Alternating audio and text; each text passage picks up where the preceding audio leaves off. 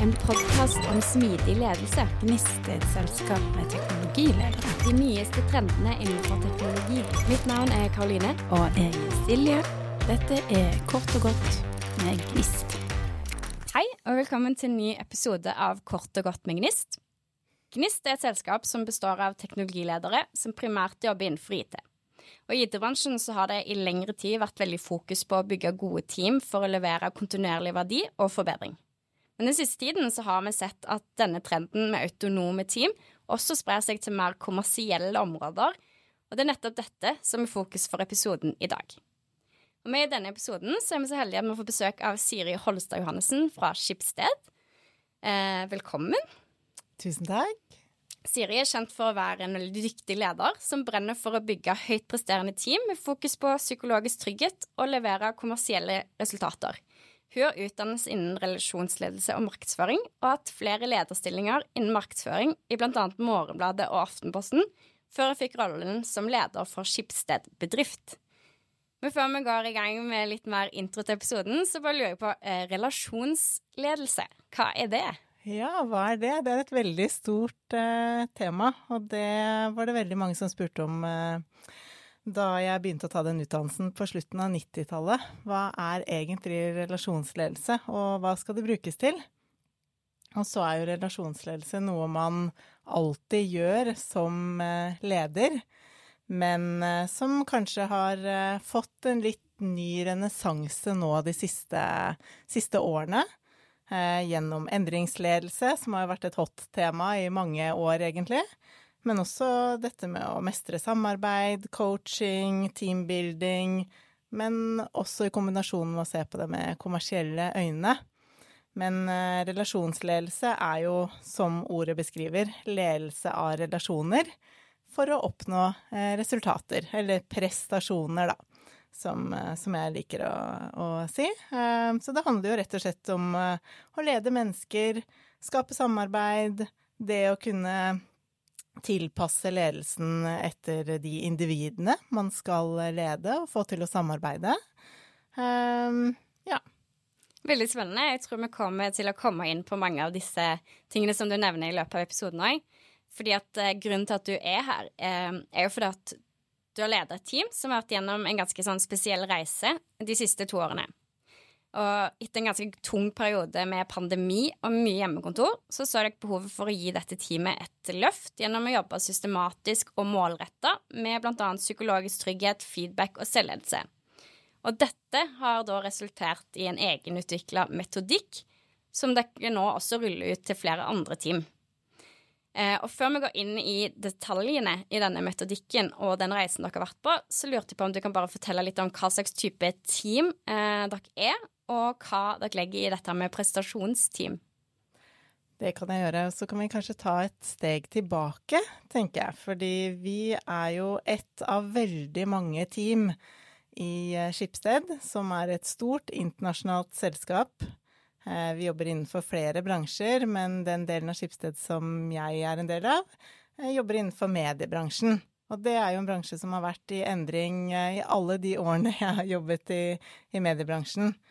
Så vi er et team som er veldig vant til endring, eh, og flere av oss som jobber i teamet, har tidligere jobbet sammen i andre team, eller jobbet eh, sammen på tvers av team som vi har vært en, en del av. Eh, akkurat nå så er vi et team på ca. ti stykker. vi er i endring akkurat nå også. Men vi er et team som jobber eh, innenfor salg. Eh, vi har markedsressurser. Vi jobber mye med engasjement. Eh, og vi jobber med forretningsutvikling.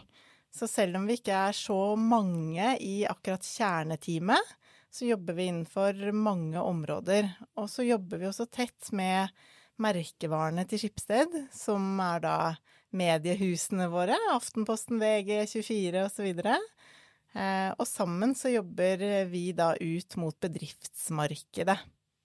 Så det virker som dere har et team som består av ganske mange forskjellige profiler og kompetanser. Absolutt, og vi har ganske stort aldersspenn. Eh, vi har, altså de yngste er i 20-årene, og den eldste i teamet nærmer seg 60. Ja. Mm. Fortell litt om den reisen som dere har vært på nå den siste tiden. Ja, altså dette teamet har da jobbet sammen mer eller mindre, og vi har mistet noen eh, på veien, som det alltid, alltid vil være. Jeg pleier å si at gode medarbeidere er bare på låns. uh, og så har det kommet, kommet, noen nye til. Men, men kjernen i dette teamet har jobbet nå sammen de siste ja, i hvert fall fire årene. Um, vi er et team som er superkommersielle.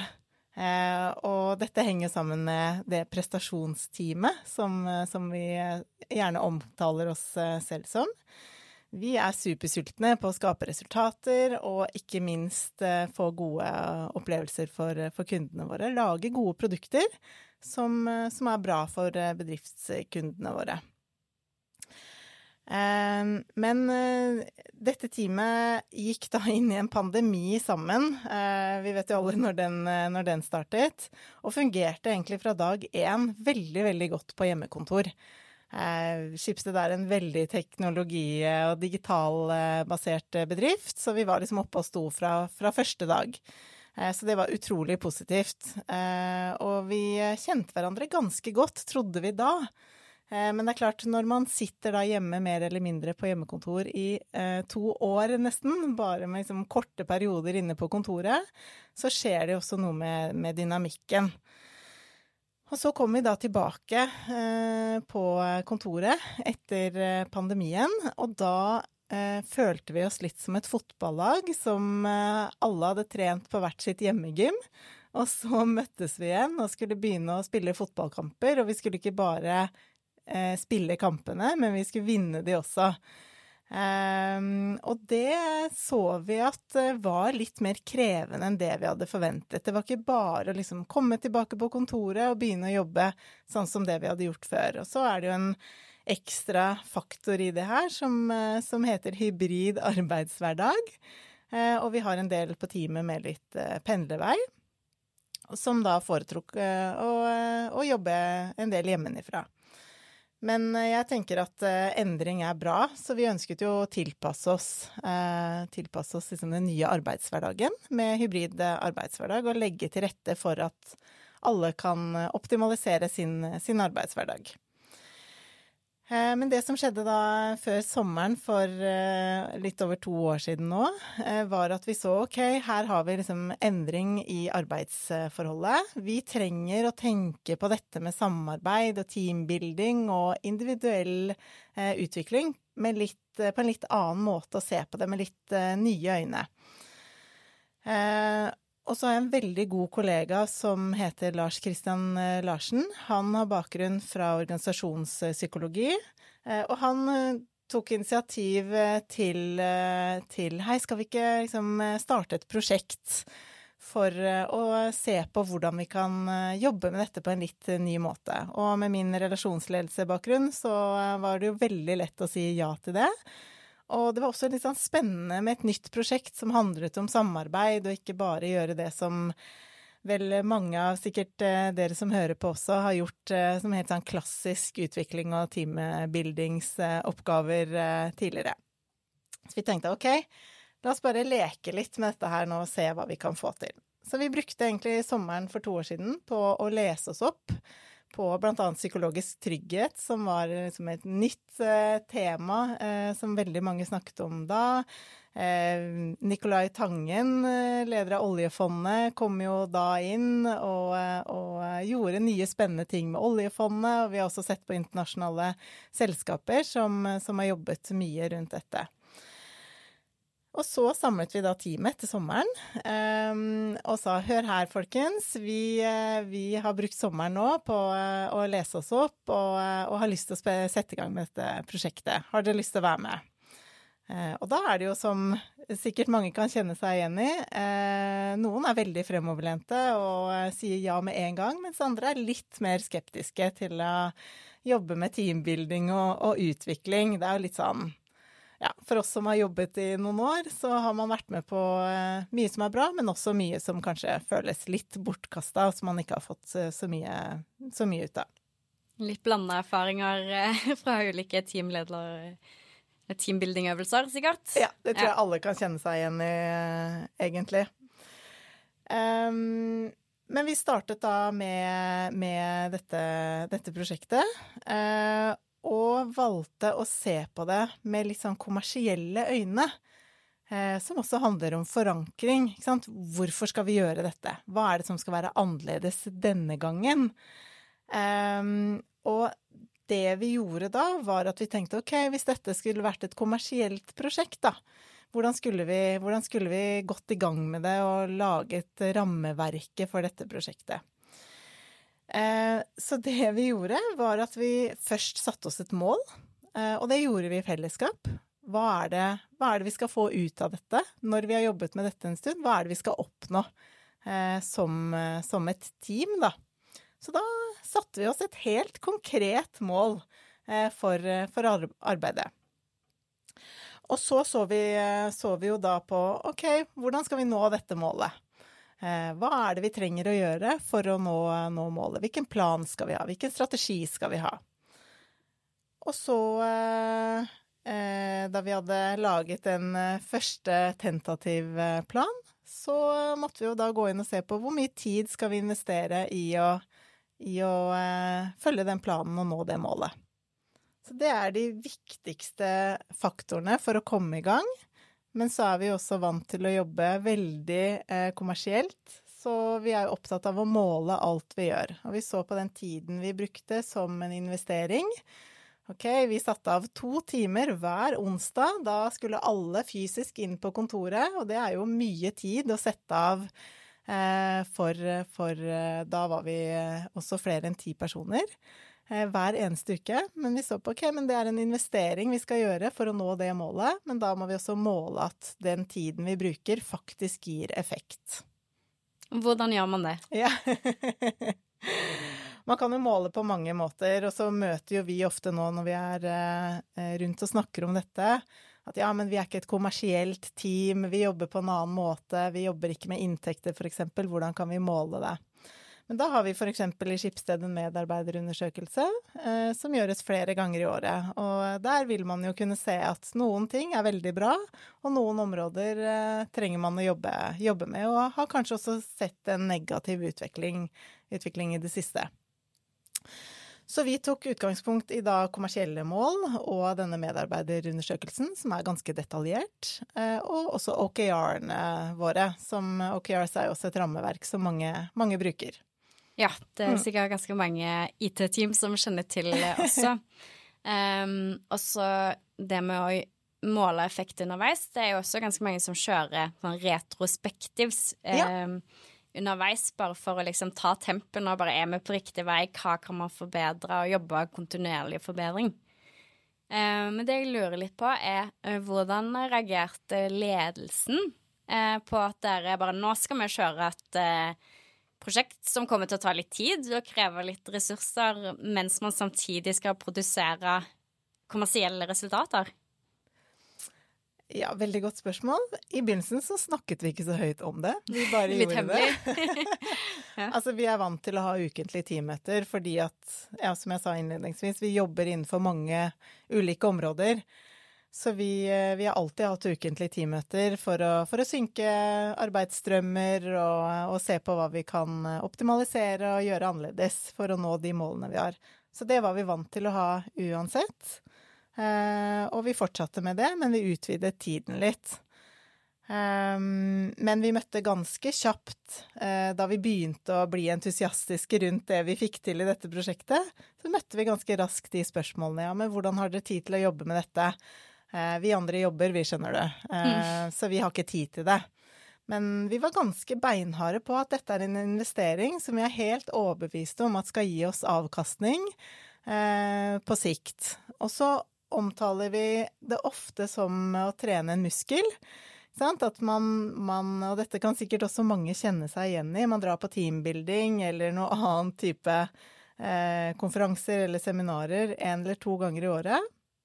Og så tror man at det skal gi effekt over tid. Men det som skjer, er at man, man får kanskje inspirasjon der og da, så drar man tilbake igjen, og så har ikke alle vært med å oppleve det samme, Mm. og så blir man bare sugd inn i arbeidshverdagen igjen. Så derfor så brukte vi denne muskelanalogien og sa at ok, men dette er som å trene en muskel. Hvis du trener jevnt og trutt over tid, eh, så vil man oppleve vekst. Mens hvis du går på, eh, på gymmen eh, to ganger i året og kjører en skikkelig økt, så gir det egentlig ikke noe særlig uttelling. Mm. Hvis noe i det hele tatt. Mm. Og det, vi holdt veldig fast på, på det, og Eh, ja, etter hvert som vi begynte å se resultater, så begynte jo eh, også de spørsmålene om eh, tid å gå over til Oi, hvordan kan vi begynne å gjøre dette? Mm.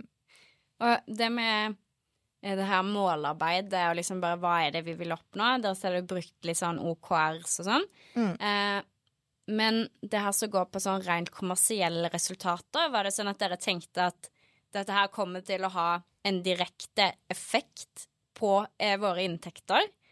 Eller var det mer en sånn eh, heldig bieffekt av det arbeidet? Nei, vi hadde jo absolutt en forventning om at det skulle gi oss eh, enda bedre resultater. Eh, og det er nice til å være et, eh, et, bra team som samarbeider godt, men det er klart, altså toppidrettsutøvere ønsker jo bedre prestasjon for å maksimere uh, resultatene sine.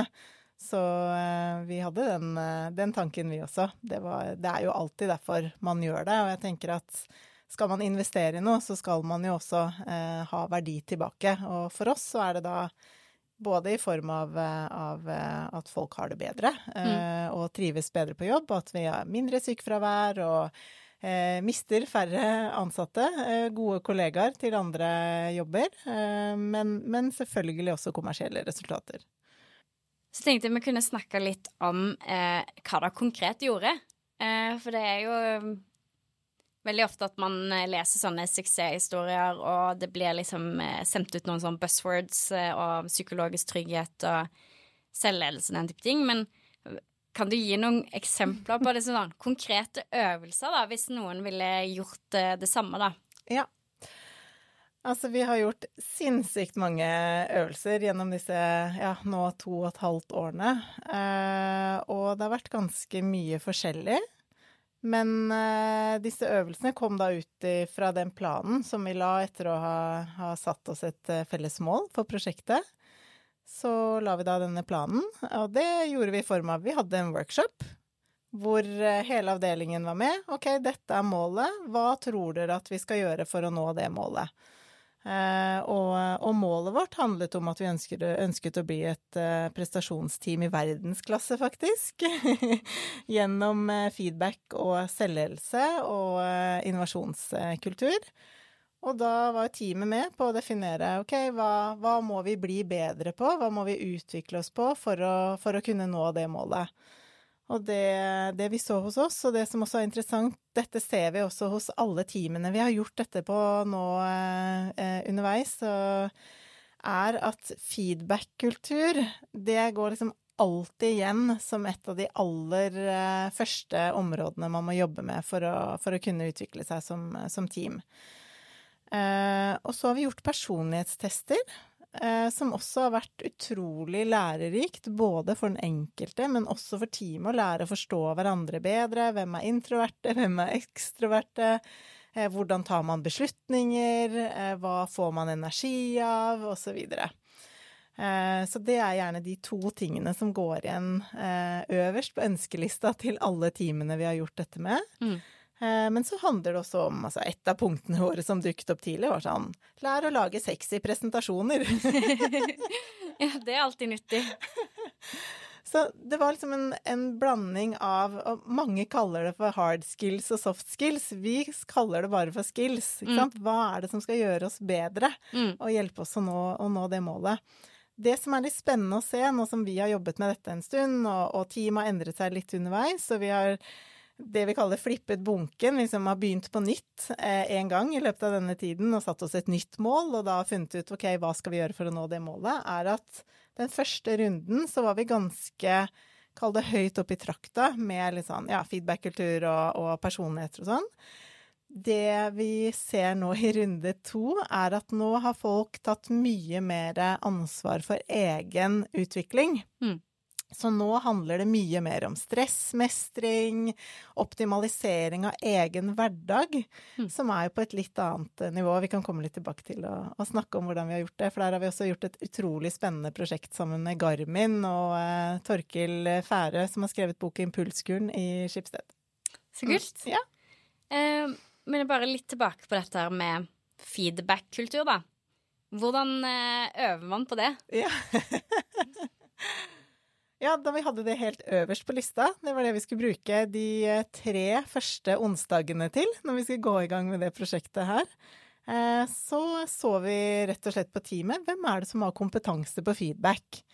Eh, Jeg har jobbet mye med feedback opp igjennom, og det var også en del av min, min utdannelse. Men vi også, hadde også andre i teamet med, med kompetanse, og det har vært litt av mentaliteten vår rundt det prosjektet her, at vi trenger ikke å hanke inn eh, masse eksterne eksperter og foredragsholdere. Vi sitter på utrolig mye kompetanse selv. Eh, og hvis vi ikke gjør det, så går det an å lære det. Mm. Så vi lagde et eget feedback-kurs, eh, rett og slett. Som da den første delen handlet om eh, litt sånn intro til, eh, til feedback. eh, Og hvordan man skal gi feedback. Og så var den andre delen hvordan man skal motta feedback. Mhm. Og så var den tredje delen hvordan kan man sette feedback i system.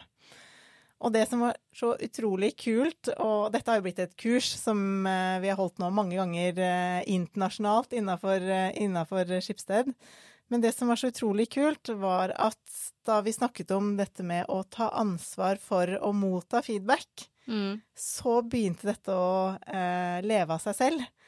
Og, eh, og teamet kalte hverandre inn til eh, coffee chats, hvor de spurte ja, hvordan kan du gi meg litt feedback på hvordan er jeg som kollega, hva kan jeg gjøre bedre?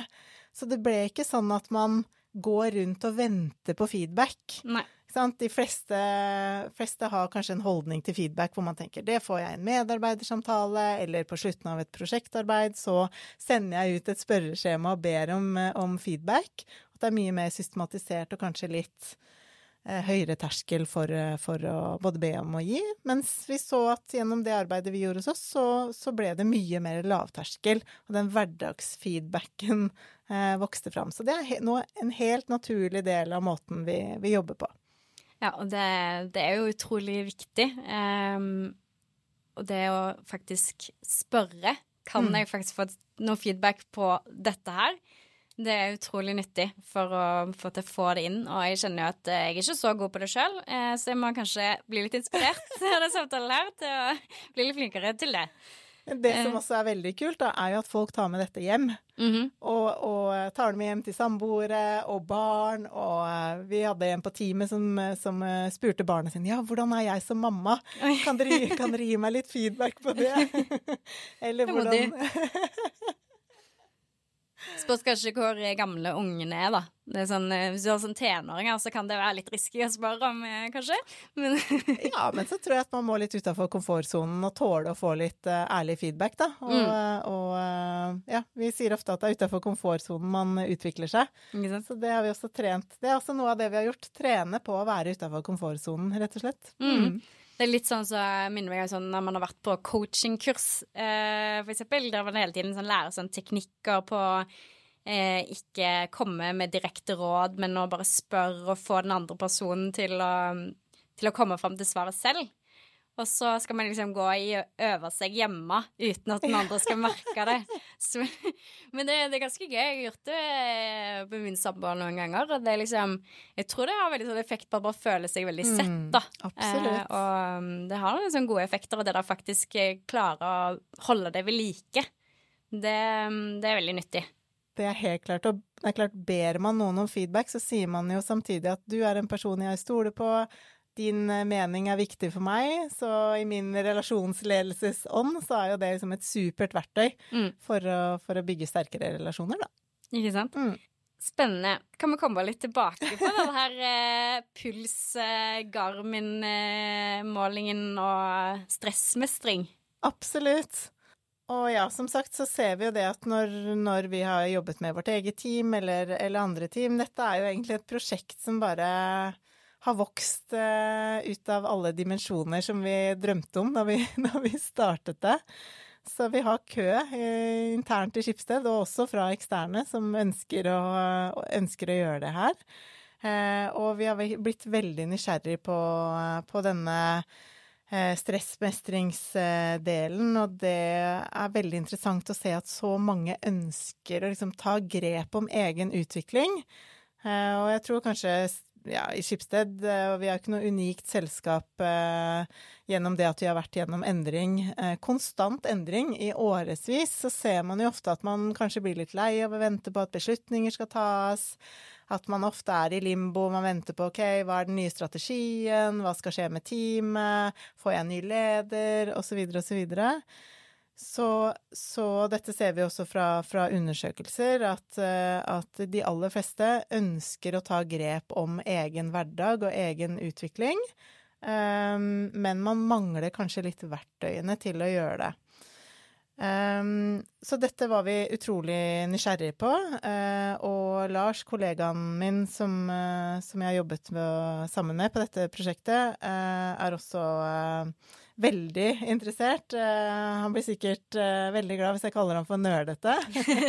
og jeg har også blitt nerdete på, på, dette med biometriske målinger og det å kunne faktisk måle stress. Det er det jo masse muligheter for å gjøre nå med Aura-ring eller Whoop-bånd eller Garmin-klokker eller, eller, andre typer devices, da.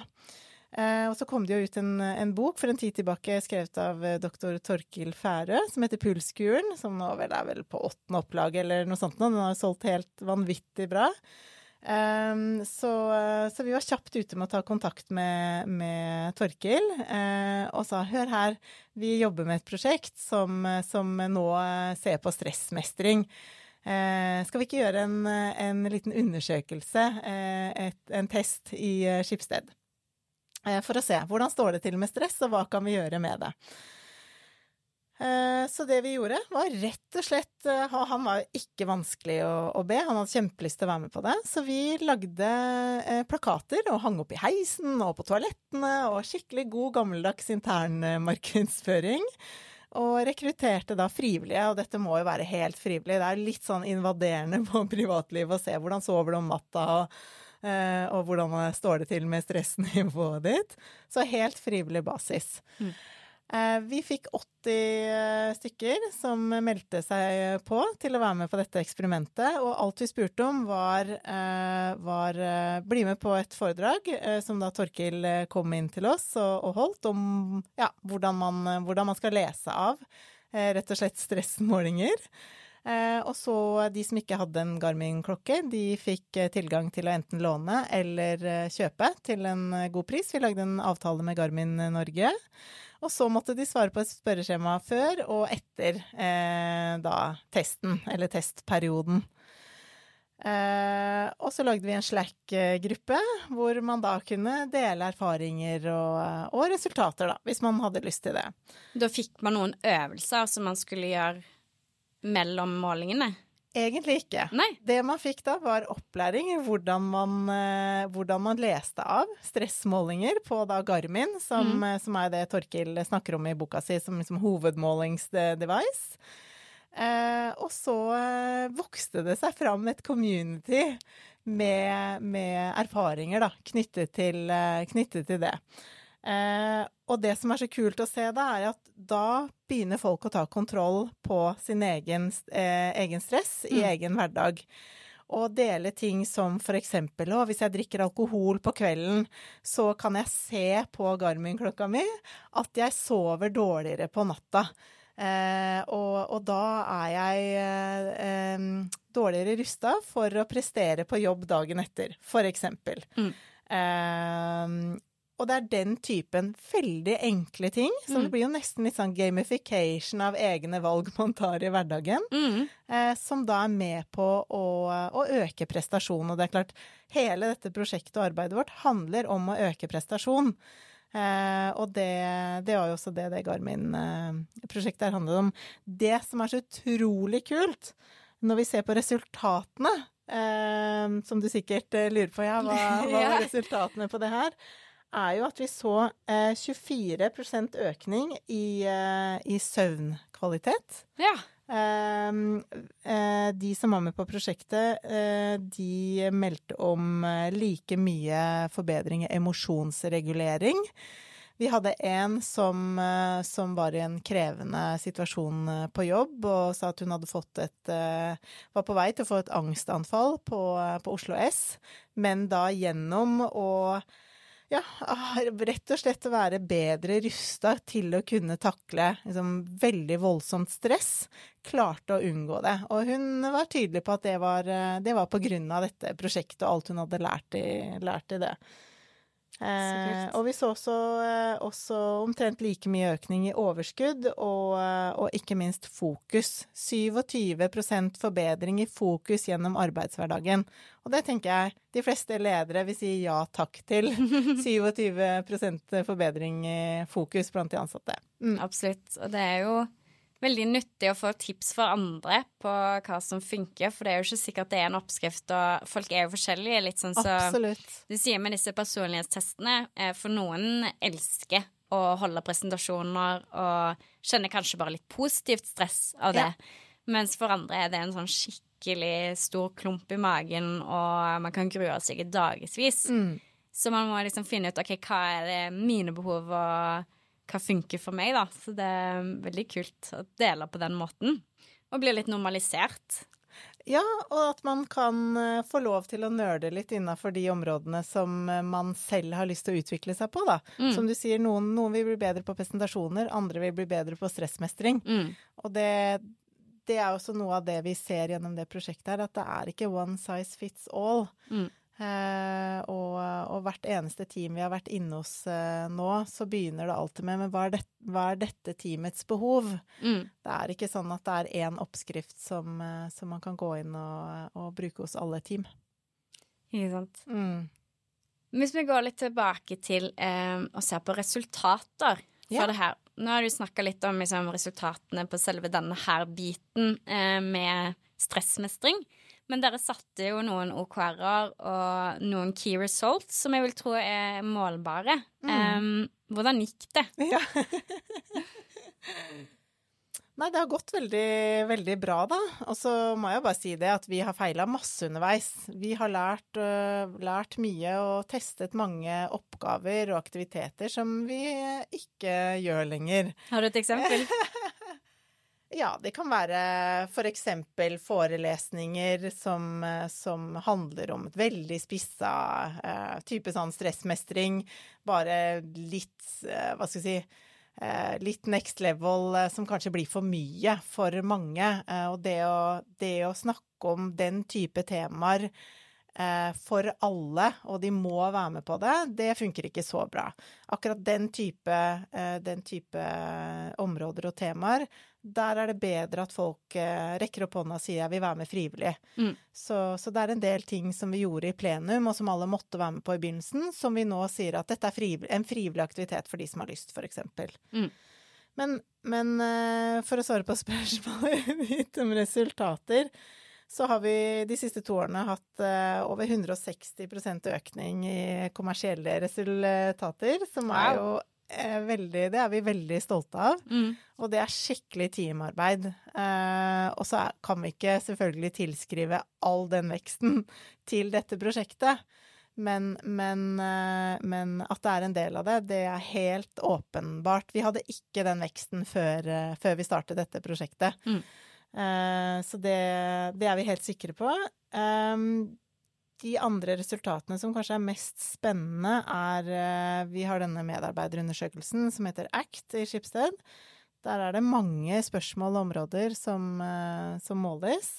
Men vi, basert på det målet da, som vi skulle nå, så plukket vi ut fem eh, områder som vi tenkte at dette er de som har mest innvirkning på, på målet. Så de fem områdene vi eh, skulle måle, var da feedback-kultur, eh, manager support, altså hvor mye støtte du får fra nærmeste leder, eh, challenge status quo, fordi vi, en del av målet vårt var jo å bli enda bedre på innovasjon. Vi ønsket å forbedre oss og utvikle oss. Og da må man ha trygghet til å kunne utfordre måten man gjør ting på, på i dag.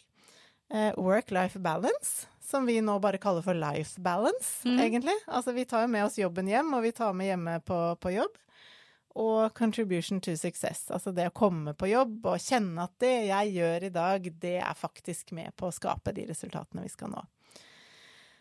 Det som er spennende med disse, disse fem områdene, da, er at vi ser en kjempeutvikling i løpet av de to årene. og Vi har målt disse nå på hver eneste ACT-undersøkelse.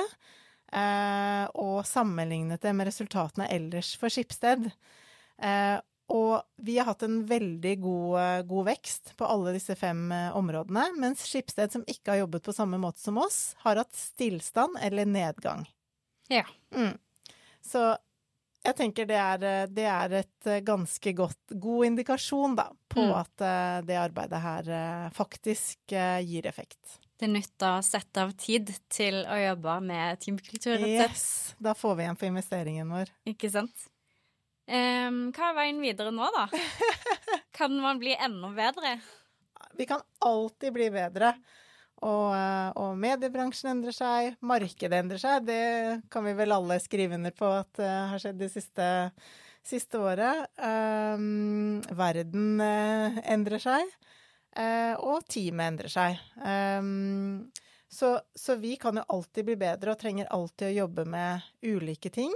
Um, så vi fortsetter vi å jobbe med, jobbe med prosjektet vårt, og så har det blitt en litt mer naturlig del nå av nå har vi liksom en veldig lang liste med temaer, og vi har en stor verktøykasse med, med oppgaver vi kan gjøre. Så det hender vi drar opp noen av de gamle oppgavene eh, og gjør de på nytt, rett og slett. Mm. Um, men så har da denne, dette prosjektet vokst mye større enn det vi hadde trodd. Så eh, vi har veldig mange kollegaer i Skipsted som også ønsker å gjøre det samme. Eh, og får også masse henvendelser eh, fra eksterne selskaper som, som vil lære. Og eh, Lars og jeg er rundt og snakker på konferanser og eh, podkaster, og det er stor interesse for det. Mm. Så vi får se hvor stor denne babyen vokser seg eh, etter hvert. Spennende.